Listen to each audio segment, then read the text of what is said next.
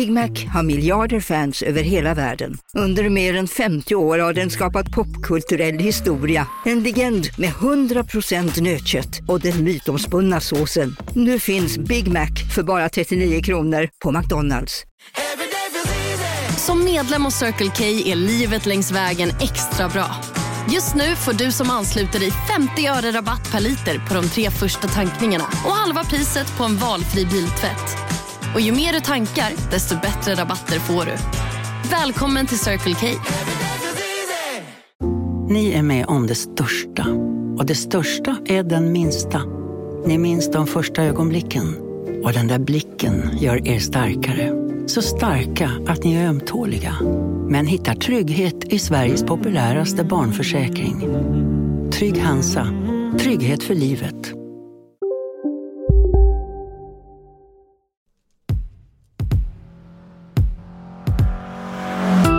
Avsnitt 236 av Vi Bilägares podcast bjuder på bilråd, växellådans historia, Ford Kuga Hybrid och Autoindex om vad vi är nöjdast med i egna bilen.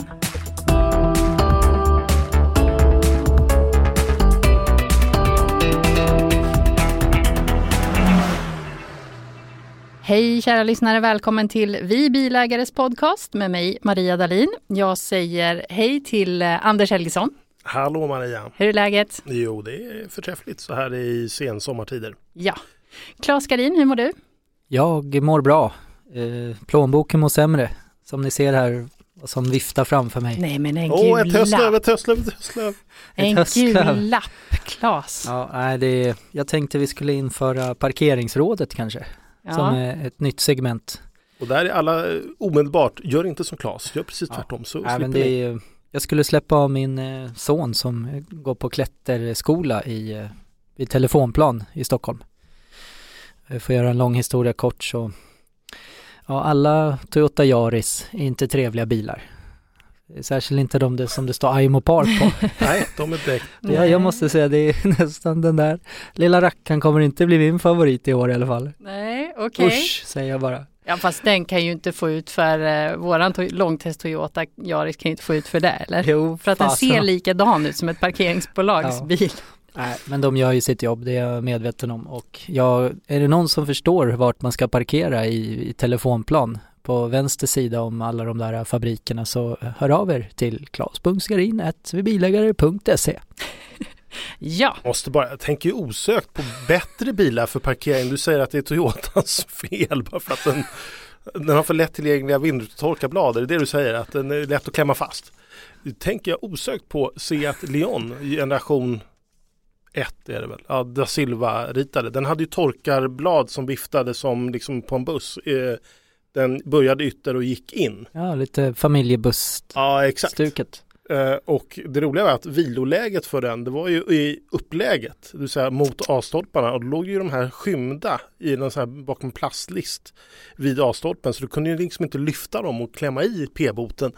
Någon som äger en Leon kan ju säga hur, hur, om ni klarar er eller botas de också, de kanske hittar andra sätt, bakrutan kanske. Precis, jag har fått tipset här, Monaco-plåtar och eh, täcka över chassinumret. Eh, det ska tydligen funka. Kommer, eh, ja. kommer ni ihåg eh, Honda, nu ska vi se här, var det HRV va? Den hette. Eh, första generationen, där var ju någon som spexade loss och döpte om den till en Volvo XC30. Och så hade den Volvo-beteckningar överallt och till och med på ratten tror jag de hade liksom skrämma dit en Volvo-logga för att liksom trixa den stackars p-vakten och tro. För den, här, den var ganska kantig och den hade så här typiska Volvo 850 baklampor som stora höga stående.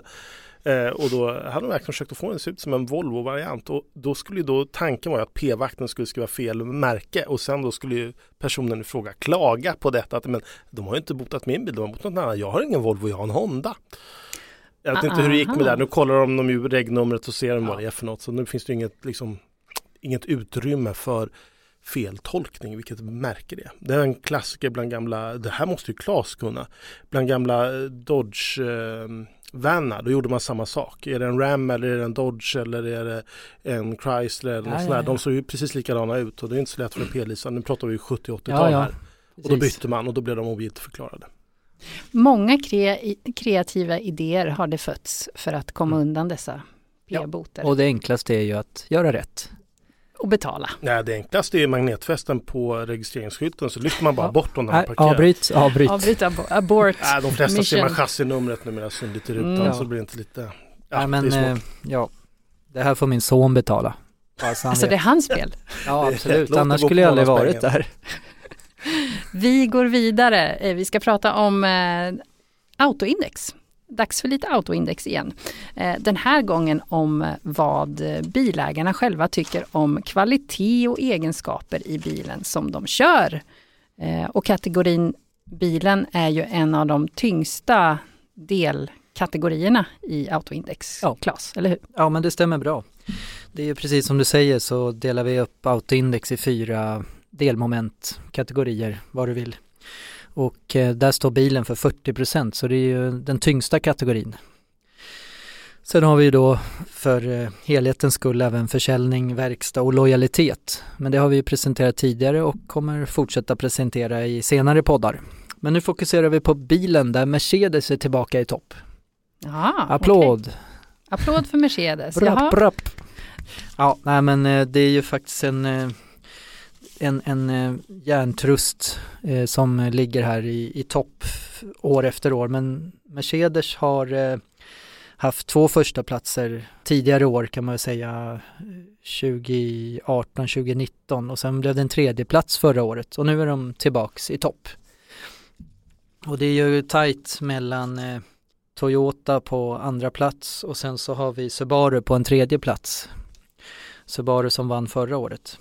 Men det som eh, placeringarna må väl så vara. Det som är lite intressant tycker jag det är ju att titta vad bilägarna uppskattar med sina bilar och vad det är som eh, skiljer dem åt. Mm, det är ju massa olika frågor de får svara på om vad de tycker om bilen och så här. Men vad, vad Ja. kan du säga sticker ut när det gäller Mercedes? Vad är de nöjdast med? Ja men visst.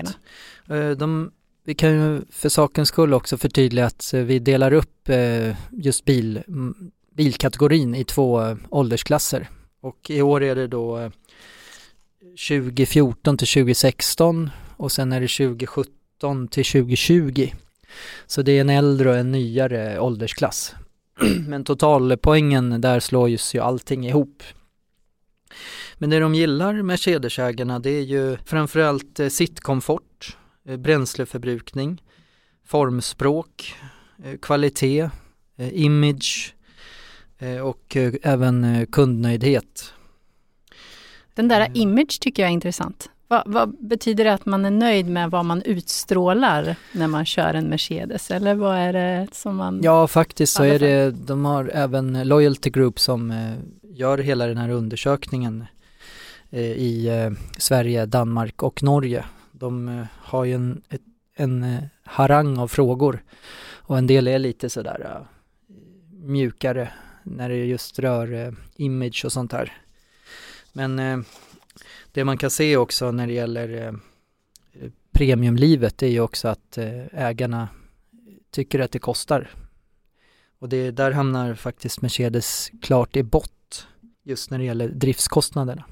Så att den är dyr att äga och köra och det, och det drar ner, det är en av de negativa Ja, det räcker aspekterna. för vinst men det kan ju vara värt att notera att Mm. Man, eh, de flesta är väl medvetna om att slår man till på en Mercedes så eh, är det, det kost, premiumlivet kostar på. Jag lever ju premiumlivet just nu för jag kör ju Mercedes. Titta. GLB, långteststallet. Jag kan säga det där om sittkomfort. Ja, Mm. jag vet inte om jag sitter så bra. Jag har inte riktigt hittat rätt inställningar. Jag har hittat eh, det här svankstödet i alla fall. Det var ju bra. Men ja, och så går ju den här stolen och drar ut lite sittdynan och så. Men Men där Ah. kanske vi kan titta tillbaks några år för vi upplever ju GLBn som extremt hård.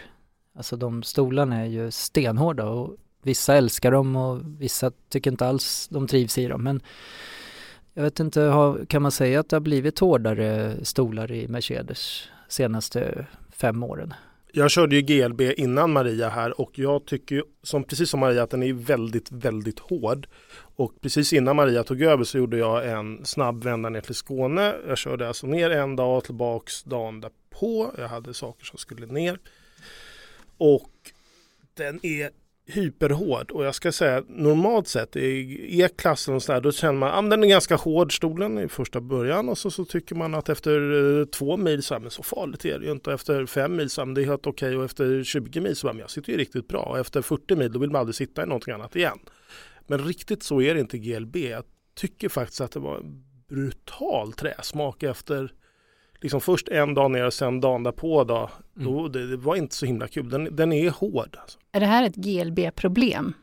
Ja, jag menar om man tittar på andra Mercedes. Jag har kört andra Mercedes och jag tror till och med du reagerar på det ja. också Claes. Du körde väl också den här lilla E-EQA som vi ska prata om i en annan podd. Ja, eh. och även A250E laddhybriden har ju samma hårda stolar. Och det är väl en standardstol? Ja, det är en AMG-stol. Det AMG-stolen AMG-paket. Men jag vet inte om det var du eller någon annan som reagerade som också körde just EQan. Men den här är ju mjukare än den vi har i GLBn och jag tycker nog att det är så. Så jag vet inte om jag har fått en osedvanligt välstoppad stol till våran.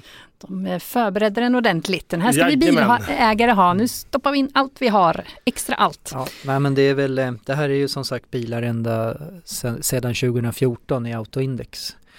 Vi får väl se här om sittkomforten rasar ner i bott vad Mercedes-ägarna tycker om sittkomforten i Mercedes nya modellprogram. Ja, och spännande också om någon som har haft Mercedes innan liksom märker skillnaden. Om de eh, mm. märker att de har blivit. Ni får gärna höra av er i så fall. Vissa premiemärken som det inte går särskilt bra för. Till exempel, ja i princip är det bara BMW och Volvo. Det är bara BMW och Volvo som tappar poäng så BMW tappar två poäng och Volvo en poäng. Och det är ju inte ett bra tecken om man kommer ut med ett nytt modellprogram som inte uppskattas av bilägarna. Och det är ju privata bilägare ska vi tillägga också i Autoindex. Så det är ju inte några tjänstebilsförare. Kan man säga något när det gäller just Volvo och BMW, vad det är som man är missnöjd med, med bilen där? Vad det är som kan dra ner betyget för dem? Ja, jag tittade på vart det största missnöjet ligger när det gäller Volvo.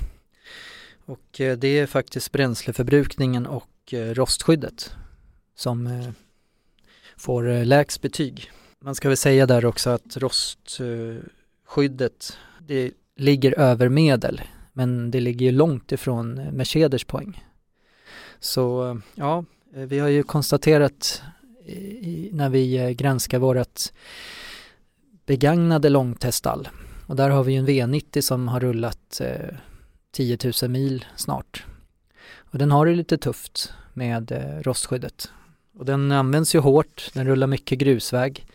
Men där har vi sett eh, till och med gravrost i vissa eh, plåtkonstruktioner i underredet. Och det är ju den här spa-plattformen som vi har sett även på XC90. Den kikade väl du på Anders? Ja, stämmer. Ja. Det är ju samma platta och man ser ju likheter. Vi kollar på en XC90 som då var tre år gammal knappt och där mm. såg man ju samma tendenser så att det ser ju inte jättelovande ut för just Nej. Volvo.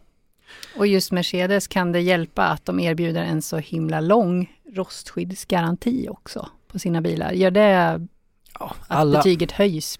Det kanske bilägarna? har en viss eh, påverkan Jo, då har vi haft, att det blir en tystnad här i podden för att vi har haft en fråga i rostskydd på Mercedes. Och vi har grävt som galningar efter den här uppgiften. För är det verkligen 30 år fortfarande hos Mercedes? Eh, och de var ju rätt så nöjda med rostskyddet just Mercedesägarna. Och eh, vi grävde på alla möjliga hemsidor. Vi lade ner säkert 5-10 minuter på det här i studion. Minst. Och eh, vi hittade inget svar för Mercedes har gömt det där. Men om man går in och börjar småbygga en bil så får man en sån här elektronisk agent som eh, man kan ställa frågor till. Och då ställdes frågan där och eh, så här någon minut senare så fick vi ett svar och det är fortfarande 30 års rostskyddsgaranti på Mercedes. Men skumt ändå att de väljer att inte eh, slå på stora trumman med det. Varför gömmer ni det Mercedes? Vad är det som är Ja, varför det ligger inte mer synligt? Det kan vara ganska lätt, det är bara att googla Mercedes rostskyddsgaranti 30 år de första hundra svaren är bara okvädesord i stort sett från Flashback och liknande forum. Ja. ja, vi vet ju hur svårt det kan vara när väl rostskyddsskadan är framme. Det Den där ska... garantin kan vara lite ihålig ibland. Ja, vi har ju en hel del konsumentfall över året som rör den här tandlösa garantin. En annan sak som jag personligen i alla fall tycker är viktig är ju ljudnivån i bilen. Att eh, för att jag ska tycka om en bil så ska det inte bullra för mycket. Finns det några frågor om det i Autoindex? Jajamän, det är en av eh, de här 25 frågorna i bilkategorin. Och för att förtydliga för er lyssnare så kan jag ju ta några andra frågor och inte bara kategorisera dem i fack sådär. Det är ju körförmåga och du nämnde ljudkomfort inne i bilen, eh, säkerhetsutrustning, alltså miljövänlighet, eh, elektronikens användbarhet. Eh, vi har bränsleförbrukning som jag nämnt, vi har eh, driftskostnader vid reparation och service och även förhållandet mellan bilens pris och kvalitet. Ja, sen har vi även kvalitet generellt, kostnader och sen som du sa image och generell nöjdhet med bilen. Så det är en massa delfrågor som ägarna ställs inför. Men när det kommer till just ljudkomfort som du frågade om Maria så får faktiskt Mercedes se sig slagna i år av Audi. Jaha, okej. Okay. Och Mercedes har legat i topp de senaste två åren. Och vi uppfattar väl i alla fall våra långtestbilar som väldigt tysta. Eh, men eh, nu tar sig Audi förbi och jag tänker direkt på våran A6. Eh, den var ju väldigt tyst men den rullade ju också på Det var en mycket ovanlig dimension, den rullade nämligen på originalfälgen på 17 tum. Ja. Mycket fluffig och fin och gick ja. fantastiskt tyst. Det är väl en, ett sätt att få ner ljudvolymen betydligt. Men man får väl se här nu i takt med att fälgdimensionen växer och det blir mer och mer lågprofildäck hur ägarna uppfattar ljudvolymen. Vad har vi mer på tysthetslistan där? Är det några mer bilmärken som... Ja, det är Audi, Mercedes, Volvo och BMW som ligger i topp. Du har nog sagt en tidigare på det. Jag uppfattar nog inte att alla exempelvis BMW-modeller är speciellt tysta. Jag uppfattar till exempel inte våran GLB heller som säger superduper tyst. Men, eh, tystas i gänget. Den var tystast i gänget i alla fall ja. på sommartestet. Mm. Ja men marginalen var liten till mm. en fjutten Honda Jazz. Liksom. Ja. Det är rätt kul. Ja. Ja, men det är väl också beroende mycket som vi sa på specifikation. Alltså vad, hur Absolut. bilen är spesad. Ja och det, jag gjorde en djupdykning här när det gäller just uh, ljudkomforten inne i bilen och vi har ju sett genom åren att uh, sportchassi på en Audi det försämrar ju ljudkomforten brutalt. Sen kan jag tycka att det är kul att Citroën och Peugeot Eh, tar sig upp på femte och sjätte plats. Eh, När det gäller ljud alltså? Ja. Mm. Att Peugeot kommer så bra till, det stämmer vi ganska överens. Vi hade ju en 308 i långteststallet, det var före min tid, men du körde den Maria. Men jag minns ju när jag testade den för en annan tidning, då eh, verkade det som att den bilen var exceptionellt tyst i sin klass, åtminstone när den kom. Och det är klart, läser man det som ägare i till exempel bilägare, det är klart att du upplever din bil som kanske tyst även när det har gått några år. Du menar att när man läser att den är tyst, att man upplever den som tyst? Blir det en psykologisk tyst. effekt då? Absolut. Oj, vilket ansvar vi har nu helt plötsligt. Ja, ja men jag tror att det kan bli ett ansvar. Men den, den, bilen var väldigt tyst när den kom, men den kanske inte är fullt så tyst idag om du skulle jämföra det med en ny bil från en annan tillverkare så skulle den kanske inte utmärka sig som tyst, för bilarna har blivit bättre. Det är min, min, min uppfattning i alla fall. Ja, och eh, i bott tittar vi Eh, Dacia och Fiat. Så vi kan väl konstatera i alla fall av egen erfarenhet att Dacia Dacia Duster som vi har. Duster heter den ja. Eh, hade en hel del oljud för sig eh, från drivlinan. Oh, den var hemsk. Ja, och det tycker ägarna också. Ja, den var inte så rolig att pendla med på E18 kommer jag ihåg. Men vi kan väl avsluta lite med att Audi toppar ju ljudkomforten inne i bilen men det gick ju väldigt bra för Audi också i, generellt sett. De eh, går från sjunde till fjärde plats i den här Autoindex mästarklass som jag brukar kalla den för. Är det eh, Audi som har klättrat mest? Precis, de eh, förbättrade sig 1,6 procent. Det är, det är mycket. En fin siffra i Autoindex där det brukar vara ganska små skillnader. Audi går som tåget just nu det är väl framförallt modellutbudet som de har lyckats eh, med väldigt väl. Man ser att eh, bilägarna uppskattar de nya bilmodellerna som erbjuds. Mm. Och vi får se här nu då när eh, Q4 rullar ut. De eh, har ju höga förväntningar på att den kommer bli i princip den, deras volymmodell. Och det är A6, A4, A3 idag som eh, har den rollen. Och den ska då tas över av nya Q4 E-tron. det ska bli spännande att se den resan. Ja. Mer om Autoindex blir det i kommande poddar och nu har det blivit dags för Bilrådet igen. Den här gången ska Bilrådet välja en eh, jänkarbil. Vi tar väl och lyssnar på vad ni har att säga. Varsågoda, Bilrådet. Välkommen kära lyssnare till ännu en episod av en bilägares evighetslånga serie Bilrådet. Det hela fungerar som så att vi har fem motorjournalister som tillsammans ska fungera som er lyssnares personliga navigationsanläggning och tryggt och tydligt guida till det bästa bilköpet. Men innan vi tar oss an dagens lyssnarbrev så ska ni få chansen att lära känna panelen lite mer på djupet. När jag själv blev intervjuad häromsistens så fick jag frågan Tommy, om du var en bil, vilken bil skulle du vara då? Jag svarade sanningsenligt och tvärsäkert Citroën CX. Varför? Jo, väldigt innovativ och nyskapande en gång i tiden, men kanske inte så mycket längre. Bekväm och avslappnad, men också ganska klumpig, slö och ärligt talat också lite törstig. Erik Söderholm, om du vore en bil, vilken bil skulle du vara då? Ja, där sätter du mig på, på prov. Jag är ju ingen tungviktare rent fysiskt, så Lotus Elise ligger ju nära till hands, men jag är inte så riktigt så snabb heller. Um, en, en Lotus Elise med minsta motorn kanske. Anders Helgesson, om du vore en bil, vilken bil skulle du vara?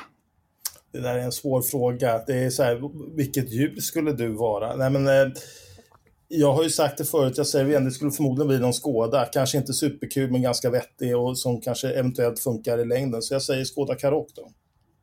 Kalle Karlqvist, om du vore en bil, vilken bil skulle du vara då? Ja, alltså i min önskevärld så skulle jag ju naturligtvis vara en Bristol 411 eh, som utstrålar bekväm Chesterfield-fåtölj, ett eh, jättebibliotek som man har plöjt igenom från ax till limpa, en eh, tindrande brasa och eh, en god eh, eh dryck av något slag framför den och, och sådär. Men eh, det är som sagt i drömvärlden, i själva verket så är jag nog en, en metallic grå Opel Corsa från 2011 någonting eh, som gör sitt jobb och eh, som passerar helt obemärkt. Claes Skarin, samma fråga går till dig. Ja, det här är ju svårt alltså, men om vi nu ska skämta om det så jag, jag klipper till med en eh, Lamborghini, heter de 002? Den här Rambo-jeepen. Ja, Ingen liksom, fungerande teknik överhuvudtaget, men eh, ganska stark och extremt törstig. tar dig fram överallt. Kan Ja, man säga. men du det som också ändå har kanske. de mest konstiga pendlingsvägarna i Stockholm och simmar över Riddarfjärden. Man simmar till jobbet. Ja, men lite sån här, äh, lite, han har en tjänstebil också, jag lovar. Lite offroad-egenskaper, eh, men som sagt, det saknas eh, ganska mycket teknik för att få det här att Den saknar dörrar, va? Gör den gå med någon typ av eh, vettig fart. Ja. Ja. Eh, Nils Svärd, om du vore en bil, vilken bil skulle du vara då? Ja, oj, handen på hjärtat. Eh, Det känns som just nu håller man mest på att bara jonglera en massa barnaktiviteter och hämta och lämna på skola och förskola och håller på sådär. Så att det blir någon form av familjekombi för att man håller på och bär barn och prylar överallt. Så att eh, jag är förmodligen, jag är inte jättetrendig, så en Mercedes E-klass. Eh, jag är ju mer uthållig än snabb, så någon form av trött 200 diesel där från 2012, så här, lite lätt bedagad. Mm. Lite lätt bedagad och lite präktig kanske. Eller lite präktigt, precis så. Ja. Nej, Nu, nu vet vi vad ni går för eh, och nu ska vi få bekanta oss med Stefan. Varsågod Fredrik. Stefan har bestämt sig. Han vill ha en amerikanare. V8 är ett plus men inget krav. Stefan kräver inte heller särskilt mycket praktisk funktionalitet. Sådant tar familjens vardagsbil hand om. Stefans jänkare ska mest gå på småturer på helgerna och kanske någon sväng till jobbet för att imponera på kollegorna på åkeriet. Stefan hoppas även att frun och barnen, 9 och 11 år gamla, följer med på en åktur ibland. Budgettaket ligger på 250 000 kronor. Vilken bil ska Stefan välja? Erik Söderholm, en amerikanare till Stefan. Ja, nu säger ju han att V8 inte är ett krav, men att det är ett plus. Jag skulle nästan säga att det är ett krav. Men det Om tror jag skulle också, det är ett krav. Ja, det är klart man vill ha det i den här klassen. Jag hade jättesvårt att välja mellan Ford Mustang förra generationen och Dodge Challenger. Jag gillar båda två på sätt och vis, även fast det inte alls är min typ av bil, men jag, jag gillar dem. Jag tror nog ändå att jag, att jag landar i Ford Mustang och det är av en enda orsak som väger över till slut och det är att den har supersnygga 60-tals inspirerade mätare som man sitter och kollar på när man åker runt. De går att ställa i massa olika roliga färger och jag vill ha en sån här 60-tals diner neonfärg på dem.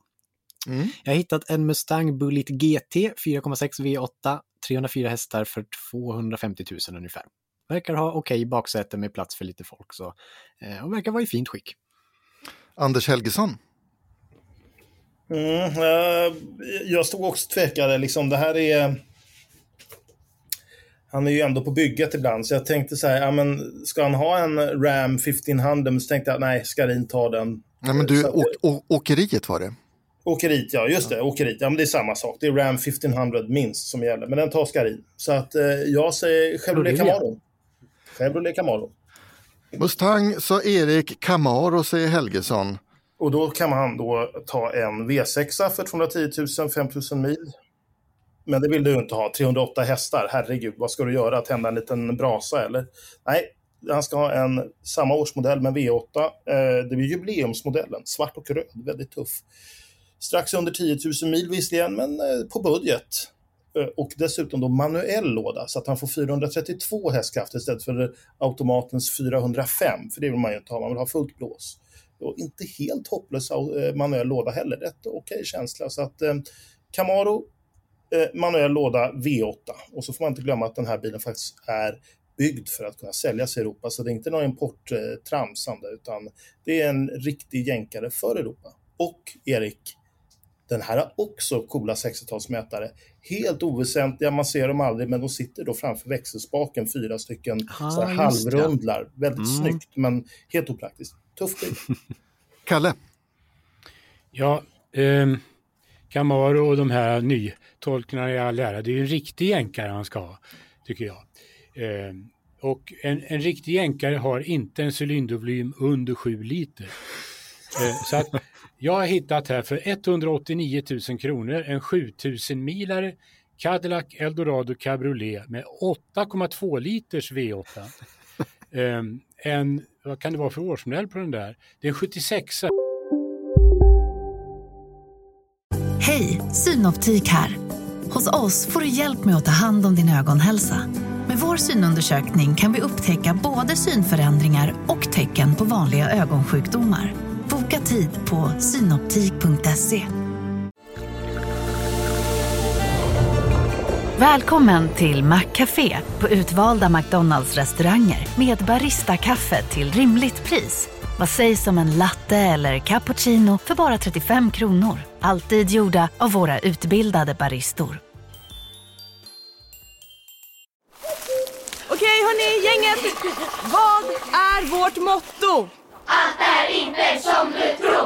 Nej, allt är inte alltid som du tror. Nu täcker vårt nät 99,3 procent av Sveriges befolkning baserat på röstteckning och folkbokföringsadress. Ta reda på mer på 3.se eller i din 3-butik. Det är alltså sista årgången utav Cadillac Eldorado som man trodde skulle vara den sista jänkaren med cab överhuvudtaget. Men där bedrog de sig. Den här är vansinnigt vacker. Den är Chesterfield Brown med cream leather interior. Ehm, kostar 189 000. Den är stor som en finlandsfärja och grabbarna på åkeriet de kommer bli jädrigt imponerade. Klas? Ja. Är det en Ram? Nej, det blev faktiskt inte det. Jag var helt inne på det här med sportbilar med V8. Eh, Men jag, jag håller med Kalle här att med den här budgeten och det här körsättet så kan man ju hitta hur mycket kul som helst.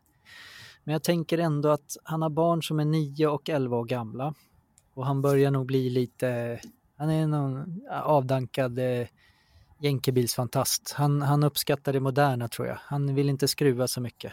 Det, det försvinner det där eh, efter 40 års ålder tyvärr. Fråga mig inte varför men han har så mycket annat att hålla på med och åka med barnen eh, på eh, idrott och allt möjligt. Så att det får bli något modernt.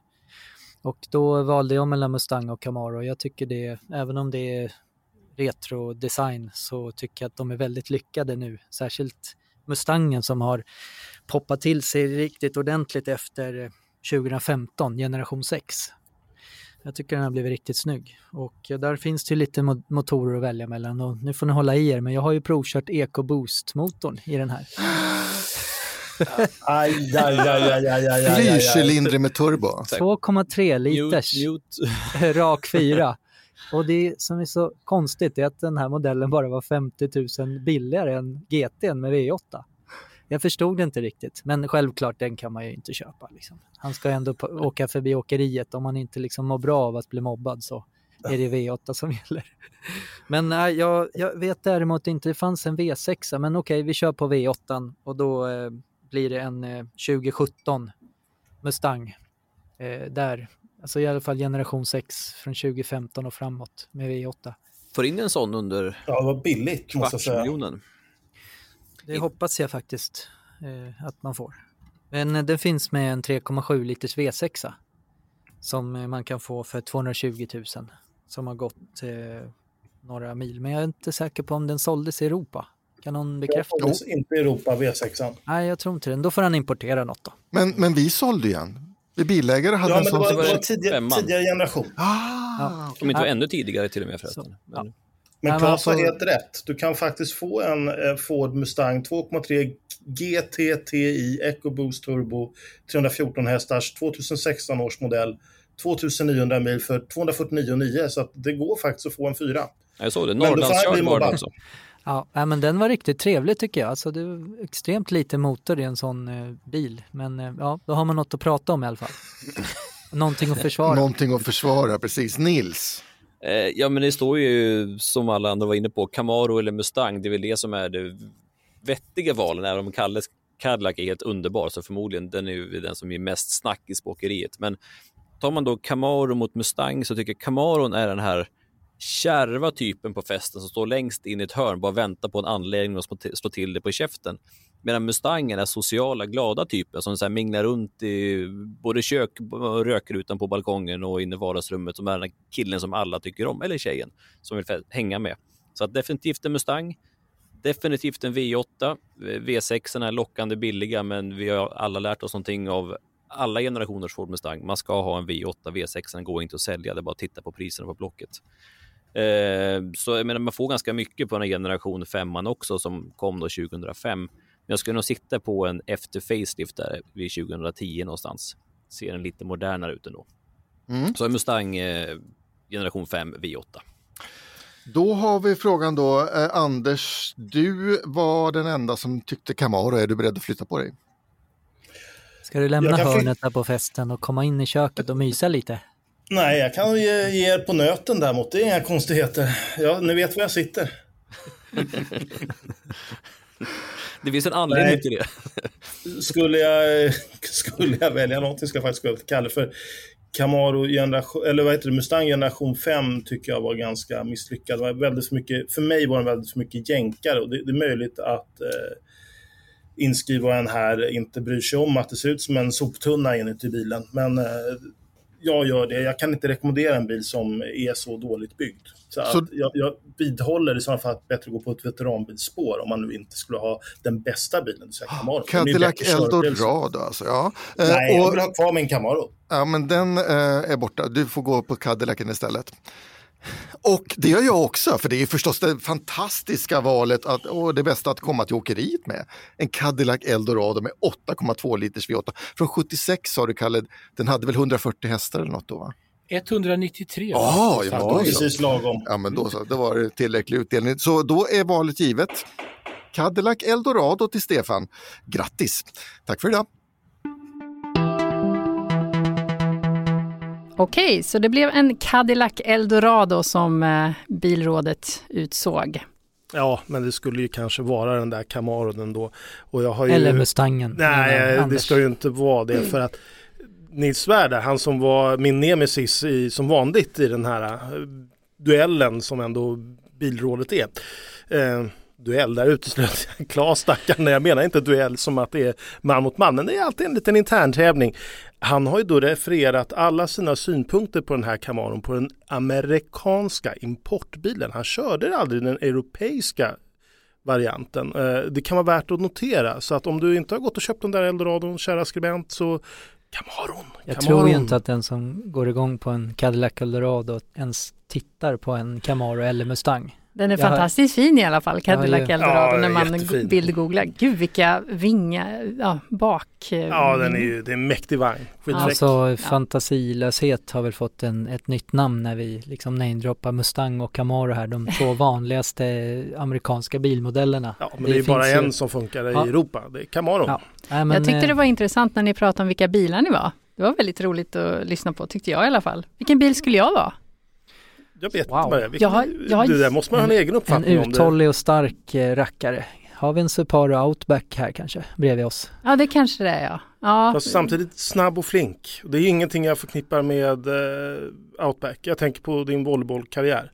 Ja, jag spelar ju beachvolleyboll på sommaren. En- Explosiv, uthållig, du har alla egenskaper man önskar sig. Men sen såg jag här, häromdagen, var det, på parkeringen till ICA, så såg jag en Honda Odyssey.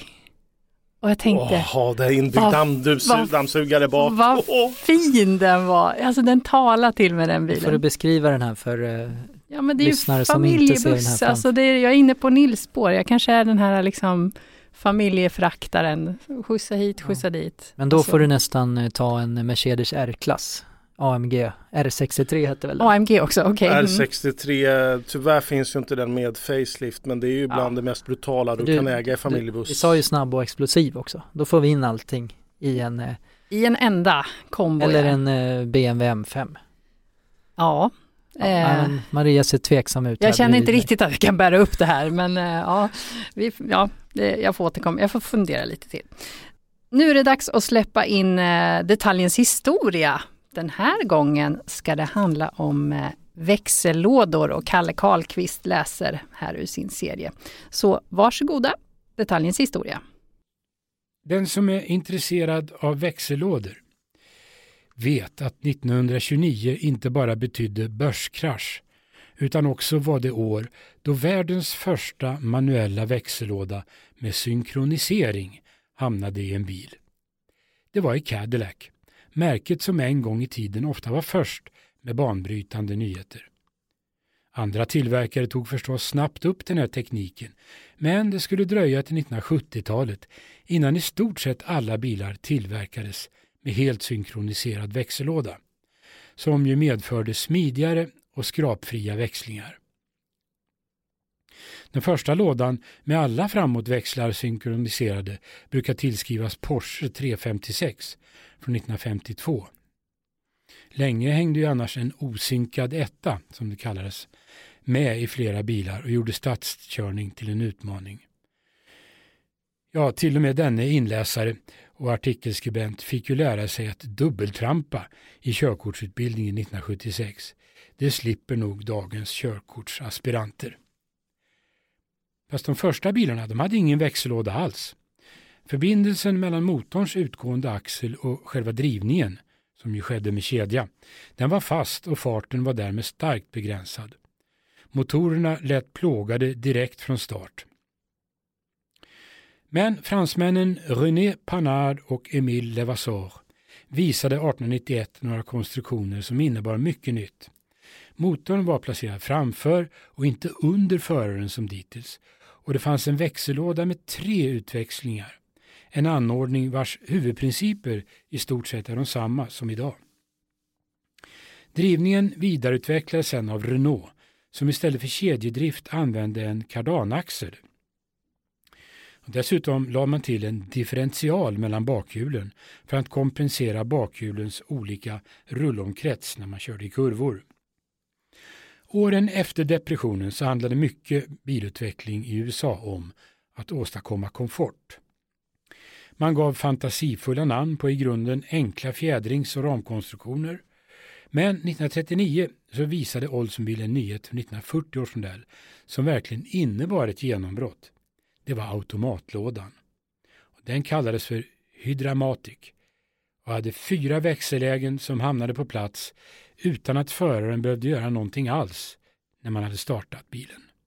Det var rent trolleri och det var så enkelt att till och med en kvinna nu kunde köra bilen, vilket ofta påpekades i reklamen för att påvisa hur genialt uppfinningen var.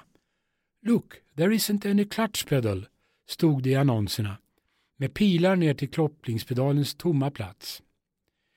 Den här finessen kostade 57 dollar extra och slog igenom precis direkt.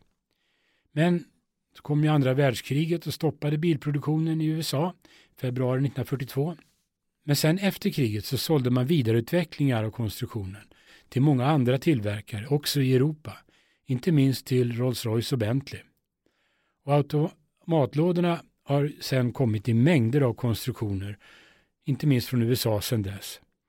Det finns ett oöverskådligt antal och de heter fantasifulla saker allihop. Torque Flight, Dynaflow, Powerglide, Prestomatic, Powerflight, you name it. Ett mellanting finns, det är förstås den halvautomatiska växellådan med manuellt valda växellägen men utan fotmanövrerad koppling.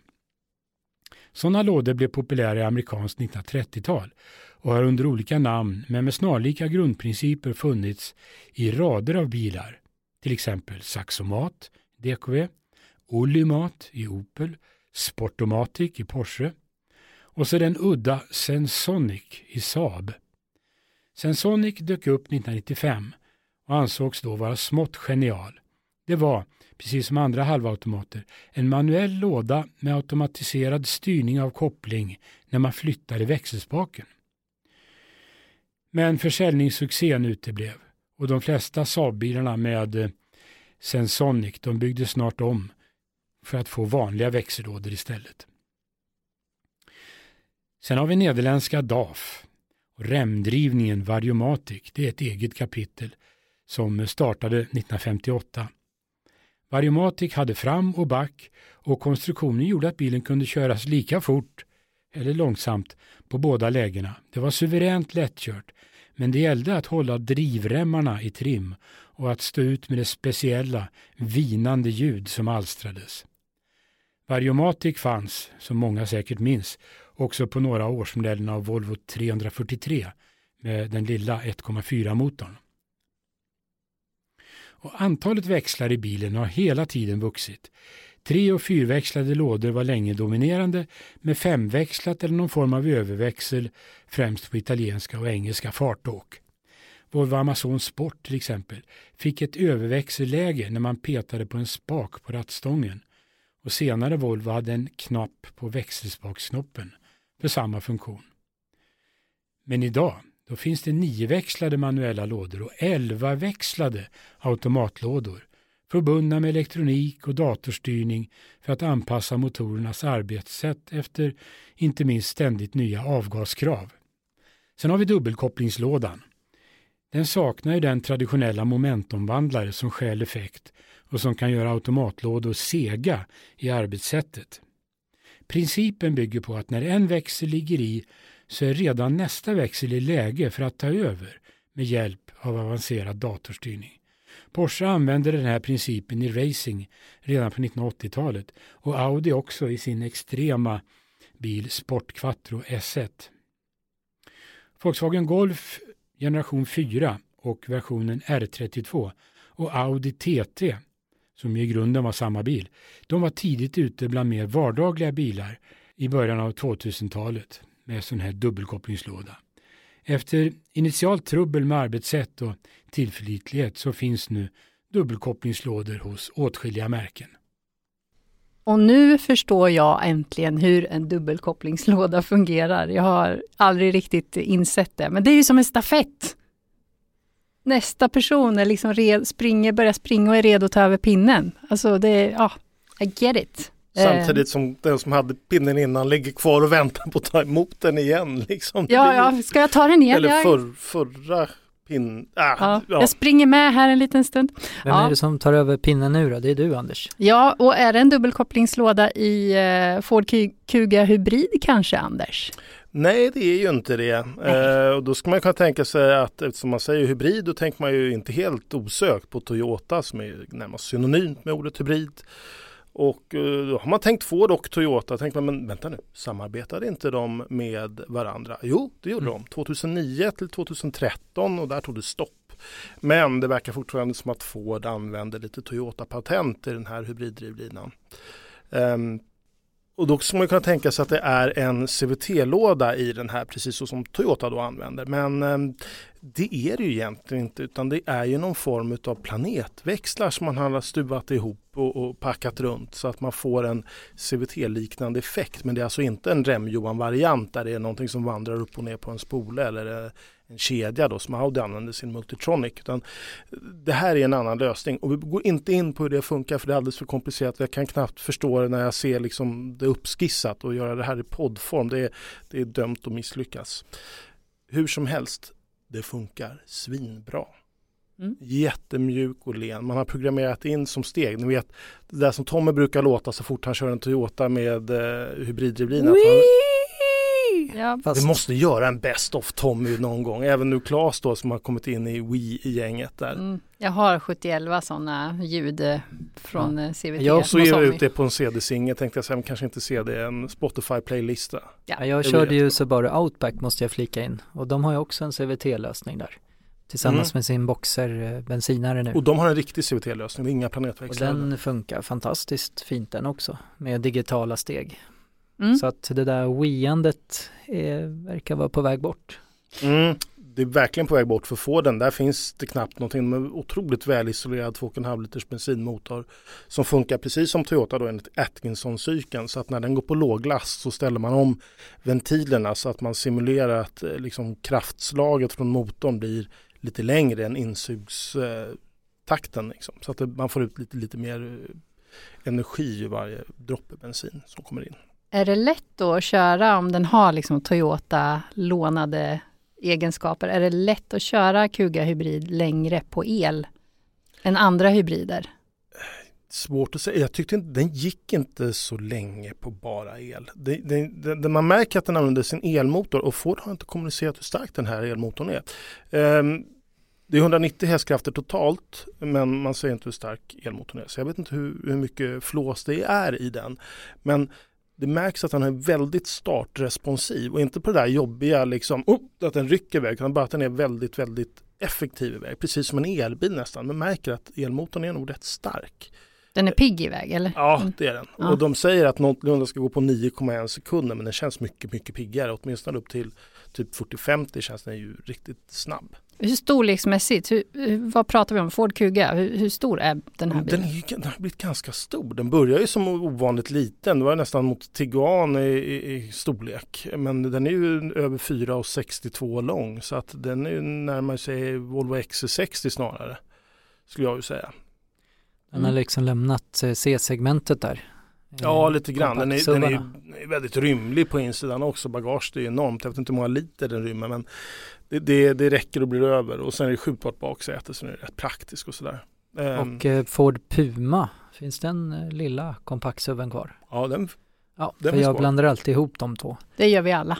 men ja. det här är alltså ett snäppet större Ford Kuga. Ja, det är nästan två snäpp större. Jag tror att det kan nog hända någonting där i Fords eh, SUV crossover-segment. De kanske vill fylla den luckan. Har vi någonting annat däremellan upp till Ford Explorer? Heter det va?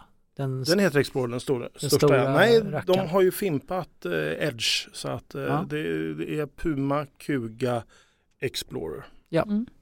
Men den här Ford Kuga finns ju även som laddhybrid, eller hur Anders? Ja, det stämmer. Den finns som laddhybrid och vi har testat den som laddhybrid. Ja. Eh, det gjorde vi för något knappt ett år sedan tror jag. Eh, men hybriden till skillnad från laddhybriden är fyrhjulsdriven. Och det här är Aha. riktig fyrhjulsdrift, så här skiljer den sig från Toyota.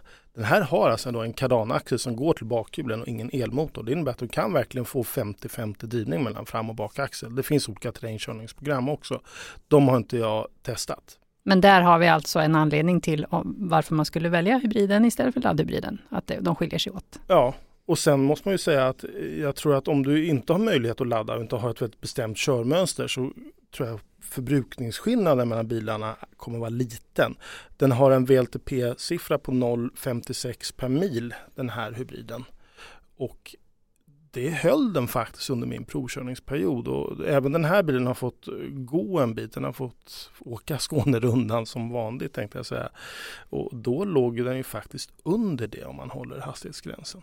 Och det tycker jag är, det är väldigt, väldigt bra. Ja. Och det, jag, har, jag har ju sagt att den är väldigt fin att köra, men den är alltså, den är absolut silkeslen. Den är precis lika bra som Toyota i att gå liksom, mjukt och växla mellan elmotor och förbränningsmotor. Det är extremt lättkörd. Och sen du frågar Maria varför man skulle välja den här före laddhybriden. Och om man får vidare på det ska man säga varför ska man välja den här före dieseln? För att dieseln är ju fyrhjulsdriven också och det här blir då det fyrhjulsdrivna alternativet. Och där kan man säga att där har vi ju skatten som en ganska tydlig markör. För dieseln vill man ha 8600 kronor lite drygt för per år. Medan hybriden klarar sig på 3 7. Och sen då efter tre år så halkar ju dieseln ner till kanske runt, nu har jag inte den exakta siffran, men strax under 4000 kronor. Och eh, det blir bara ett par hundra lappar med hybriden. Så det är en ganska stor kostnadsbesparing där. Just det. Någonting mer vi kan säga om Ford Kuga Hybrid? När finns det något att köpa nu? Den går att köpa nu och eh, nu har jag varit lite halleluja över drivning och sådär men kanske ska ta lite negativa saker också och eh, det får man ju säga är jag upplever att förarstolen är ganska kort.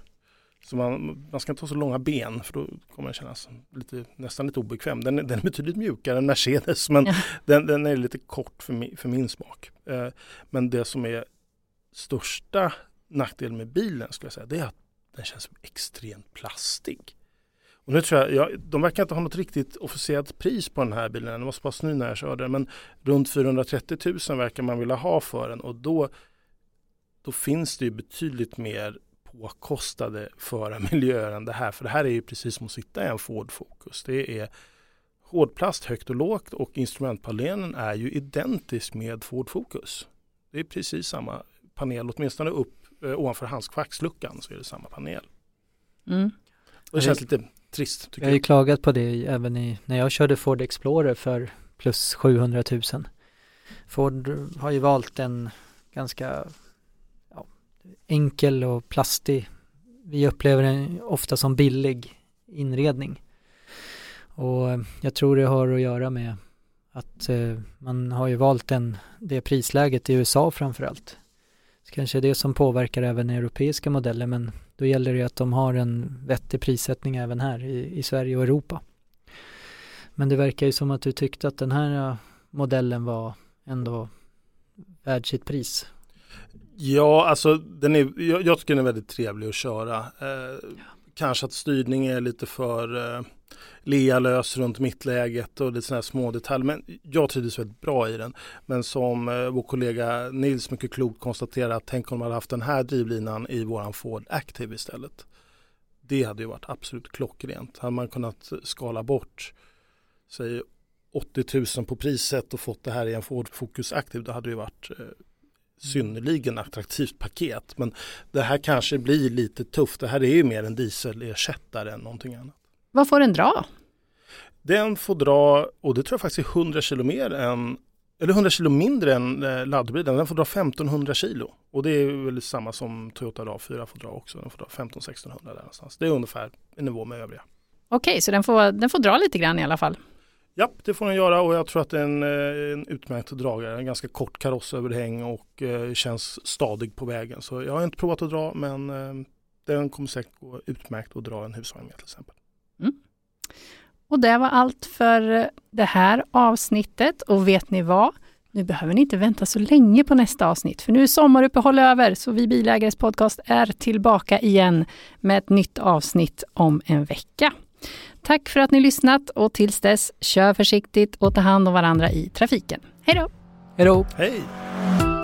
Du har hört Vi Bilägares podcast. Om du inte redan prenumererar på podden så gör gärna det, så missar du inte något avsnitt. De senaste nyheterna hittar du på vår hemsida, vibilagare.se.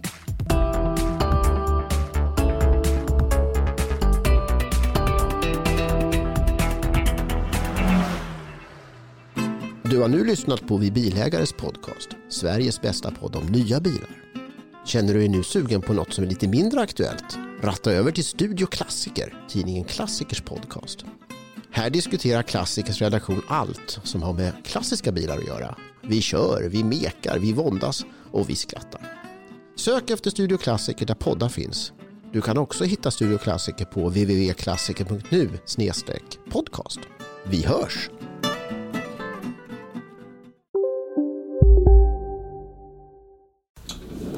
Idag är det min tur att bjuda på lunch. Nice! Och det är ju onsdag så det blir på Ikea. Du får välja vad du vill. Oh, taget! Kom så drar vi! Onsdagar är happy days på IKEA. Fram till 31 maj äter du som är eller blir IKEA Family-medlem alla varmrätter till halva priset. Vi ses i restaurangen på IKEA. Hej, Susanne Axel här. När du gör som jag och listar dig på en av Krys vårdcentraler får du en fast läkarkontakt som kan din sjukdomshistoria. Du får träffa erfarna specialister, tillgång till lättakuten och så kan du chatta med vårdpersonalen. Så gör ditt viktigaste val idag, lista dig hos Kry. Hej, Synoptik här. Livet med glasögon ska vara bekymmersfritt. Därför får du 30% på alla glasögon när du väljer Synoptik All Inclusive. All service ingår alltid. Välkommen till Synoptik.